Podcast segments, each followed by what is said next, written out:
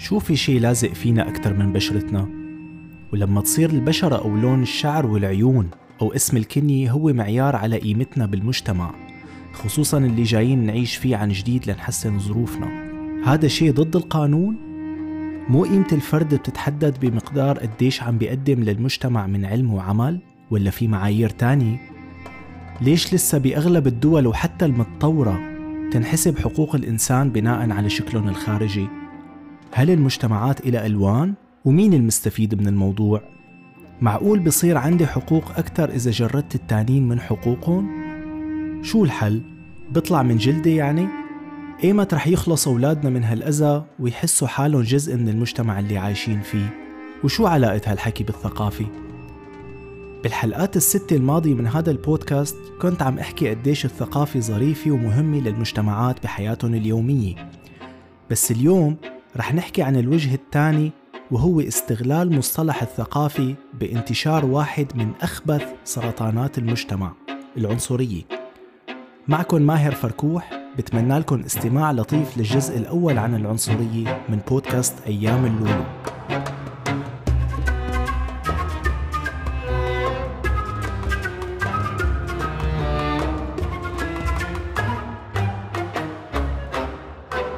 مرحبا. لما أخذت الجنسية الألمانية كنت مفكر إني رح أتعامل بالمجتمع على إني ألماني وما عدت خاف من أسئلة مثل إيمت بدك ترجع على بلدك لأنه صار الجواب ببساطة إنه ألمانيا كمان صارت بلدي. بس مع هيك ضليت أسمع هالأسئلة وبشكل متكرر. لما كنت شوف أتراك أو أفارقة ولدانين بألمانيا ومتعلمين بمدارس ألمانية وحتى في كتير منهم ما زاير بلد آبائه كنت أقول هدول بقى مرتاحين من هالأسئلة لأنهم ألمان بالولادة. بس كمان تفاجأت لما عرفت إنهم بينسألوا لهلأ نفس السؤال اللي ما حدا بحبه من وين أصلك؟ لوين بتحسي انتمائك؟ أيمت بدك ترجع أو ترجعي على بلدك؟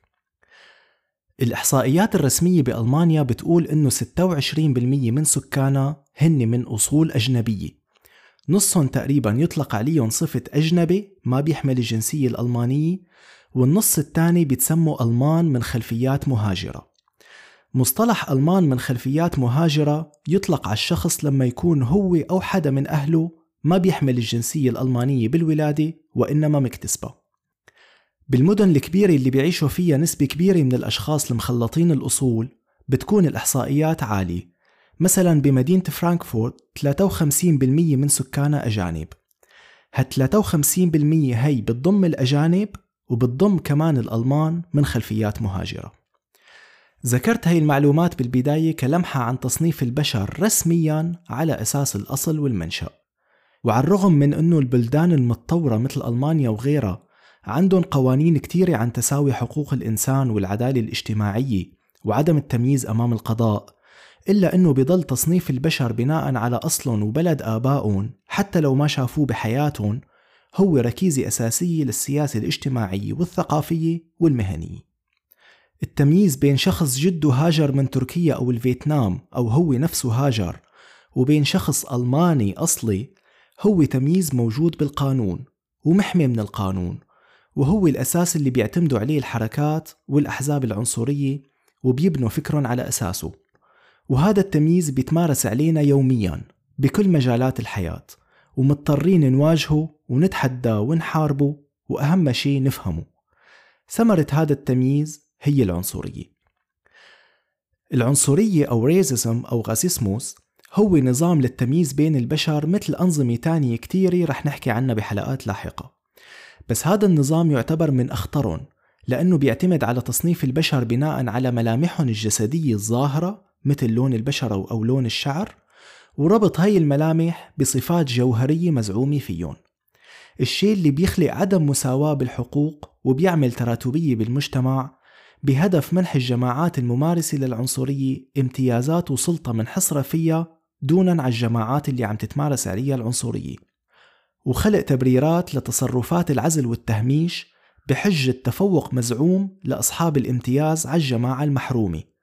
تفوق ما نحتن يا الطبيعة بالولادة بناء على معطيات ثابتة لا يمكن تغييرها ومرئية لا يمكن إخفائها لذلك لازم يكون التفريق مبني على الملامح الجسدية الخارجية. لون الشعر الأسود مثلا بيجعل الانتماء لجماعة الأتراك أو الشرق أوسطيين بالمجتمعات الشقرة واضح من النظرة الأولى وغير قابل للتغيير. وهذا التصنيف من قبل الطبيعة مو شرط يكون بناء على وراء من صنع البشر. لأنه مثل ما قلنا اللي ولدانين بالبلد بيحملوا نفس الوراء بس الطبيعة ميزت بيناتهم بشكلهم ولونهم. عن طريق ربط الشكل الخارجي بصفات إنسانية معينة بيتحول المجتمع لمركز تصنيفات وهمية للجماعات البشرية اللي فيه وبيخلي أفراده يتعاملوا مع بعضهم بناء على صورة نمطية متخيلة بحددها شكلهم والمرتبة بالمجتمع بتبين لحالها ومن النظرة الأولى. تصنيف العنصري للبشر استند على أسس اختلفت عبر الزمن وبحسب الحاجة. رح نحكي بالبداية عن الأساس العرقي وبعدين نحكي شلون تغير للأساس الثقافي أو ما يسمى العرقية من دون أعراق. بالزمانات كان تصنيف البشر على أساس نظرية الأعراق البيولوجية. هي نظرية علمية بتقول إنه كل إنسان بينتمي لواحد من أربع أو خمس أعراق بيتميزوا عن بعضهم بحسب سمات جسدية خارجية. لون البشرة شكل العيون طبيعة الشعر شكل الجمجمة إلى آخره. وبتزعم هي النظرية ارتباط الملامح الظاهرية هي باختلافات بالطبع والشخصية وبالمقدرات العقلية والفكرية والقيادية. وهالأعراق إلهم مراتب بحسب ألوانهم من الأبيض للأصفر للأحمر للأسود. اللي بيتمتع بالعرق الأبيض بيتفوق على غيره من الأعراق وبحق له يتسلط ويسيطر ويتملك ويتعلم والله منعم عليه بالذكاء والنقاء. والأعراق الثانية بتدنى مستواها العقلي تدريجيا لتوصل للعرق الأسود اللي ما بيعرف يفكر. لا بل وزيادة عليه أنه يكون عبد عند العرق الأبيض. نظرية الأعراق البيولوجية هي اختراع أوروبي ثبت بعدين عدم صحتها العلمية ولكن استفادوا منها الأوروبيين خصوصا بزمن الاستعمار لتصوير الأفارقة السود على أنهم شعوب همجية غير متحضرة. لتبرير التصرفات المرتبطة بالأهداف التوسعية من استعباد واستغلال وحتى إبادة ليش كانوا محتاجين التبرير مازالهم مستعمرين وقوايا؟ لأنه أوروبا بفترة الاستعمار كانت عم تعيش بنفس الوقت مرحلة ثورات مدنية شعبية أسست لعقد اجتماعي جديد للمجتمعات المعاصرة ولإعلان قانون حقوق الإنسان العالمي اللي بنص على أنه كل البشر متساويين بالحقوق شو التبرير لكن أنهم يستعبدوا السود وينتقصوا من حقهم؟ هذا بيتناقض تماما مع القوانين اللي عم بسنوها عن حقوق الإنسان شو السود مانن بشر؟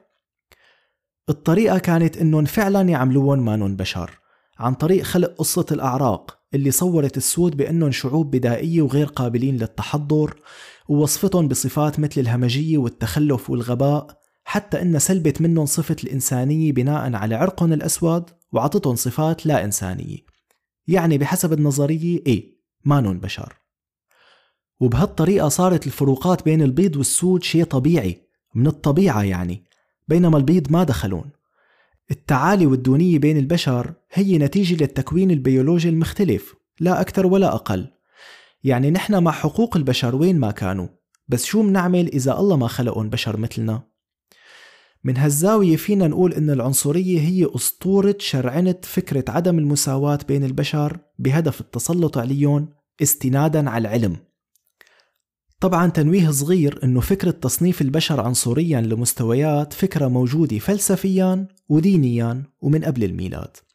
بالفلسفي من على دور أرسطو اللي قال إنه العبيد أقل مقدرة على التفكير الواعي وموجودة ببعض الديانات اللي بتقسم البشر هرميا لمراتب بحسب طوائفهم. بس العنصرية الأوروبية معتمدة على أهم مميزات العصر الحديث ألا وهو الإيمان بالعقل والعلم. هذا الشيء عطاها سند كبير إنها تتجذر بهيكلية النظام والدولة وبالمجتمع.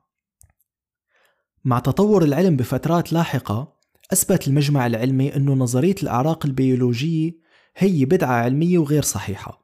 خصوصا أنها ما بتقتصر على كونها تصنيف بيولوجي محايد للبشر وإنما تقييم إلون عن طريق الادعاء بوجود رابط ما بين العرق ومستوى التطور الفكري والثقافي.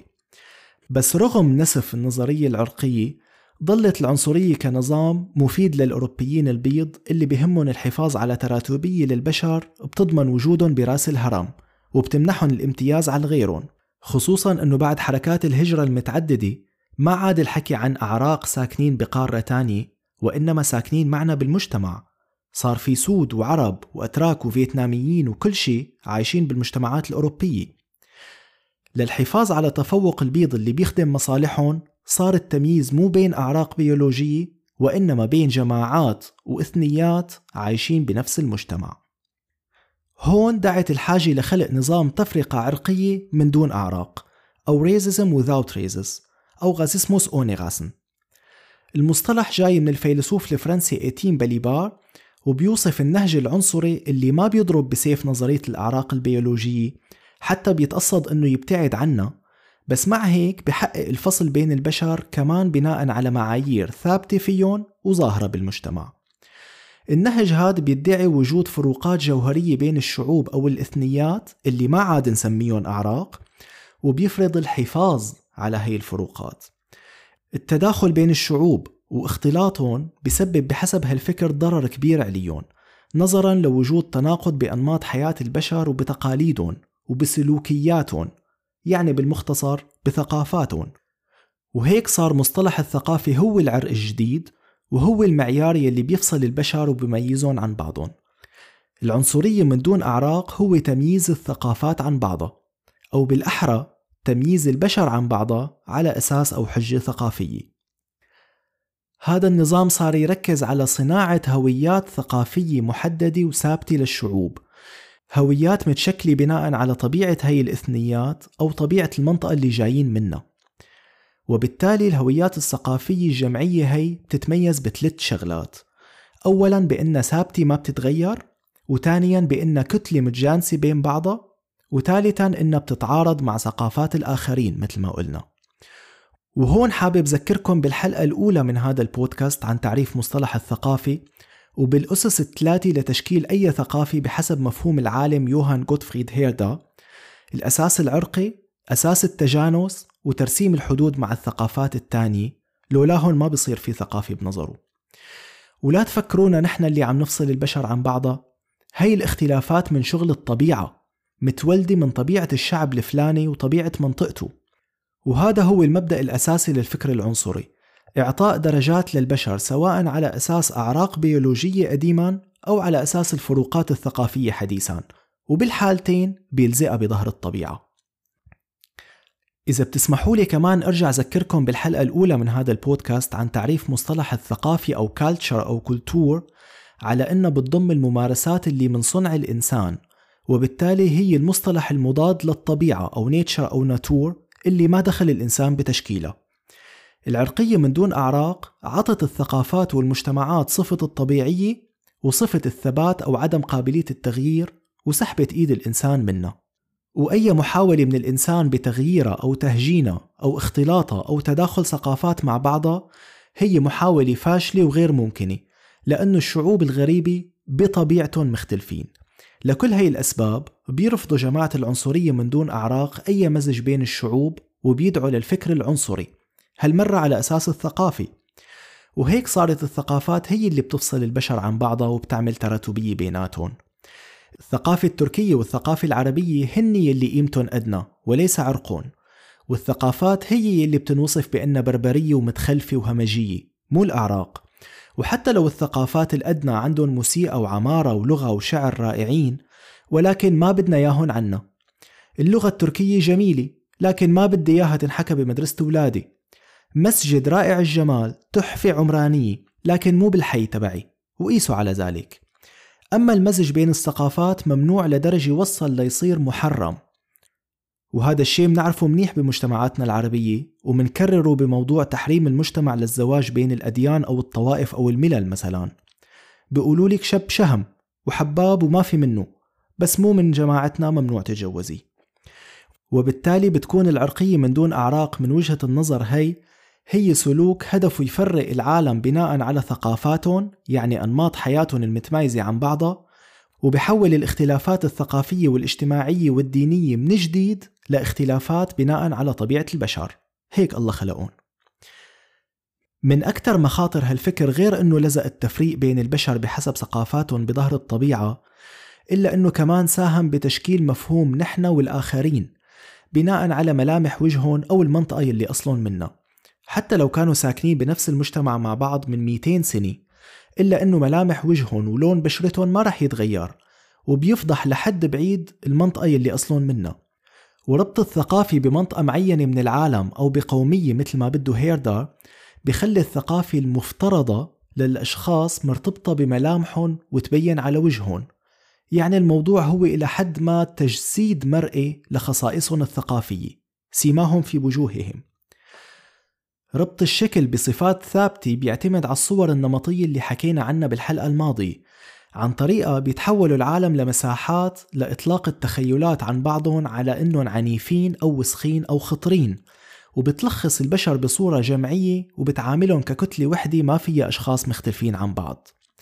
التعميمية والنمطية بالتفكير هي طبعا سمة أساسية من سمات الفكر العنصري. العنصرية ما بتخلص هون ولسه يا دوبنا بلشنا. لسه في كتير شغلات بهمونا. العنصرية اليومية العنصرية المنظمة العنصرية المقنعة التوظيف السياسي للعنصرية واعتماد اليمين المضطرف عليها نشوء حركات فصل عنصري مثل بيجيدا وغيرها معاداة الأجانب الاندماج الانتماء.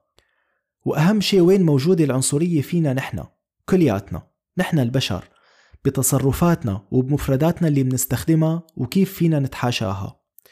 موضوع ما بيخلص ورح يمتد لحلقات. بس على الأقل هون ناخد فكرة عن حجم العنصرية بالواقع وكيف بيتم استغلال مصطلح الثقافي أحيانا لتصنيف الشركاء بنفس المجتمع وكيف نحن أحيانا منوجه سلاح الثقافي على حالنا. لون البشرة والملامح الخارجية ما بتحمل أي شيء من صفات الشخصية أو الأخلاق أو القيم. لما تلتقوا بحدا شكله غريب عليكم تعرفوا عليه بالبداية. عاملوه بحيادية. ولما بتلاقوه شخص سيء أو ما عجبكم مو مشكلة. ولكن رجاء لا تطلقوا أي أحكام مسبقة على أي شخص بناء على ملامحه أو على انتمائه المفترض لثقافة معينة لأنه هيك بتكونوا عم تدعموا الفكر العنصري اللي عم يتمارس عليكم بالجزء الثاني عن هالموضوع حابب أحكي عن مفهوم الثقافة السائدة والاندماج ومن هلأ لوقتها تضلوا بخير واستنوني ببودكاست أيام اللولو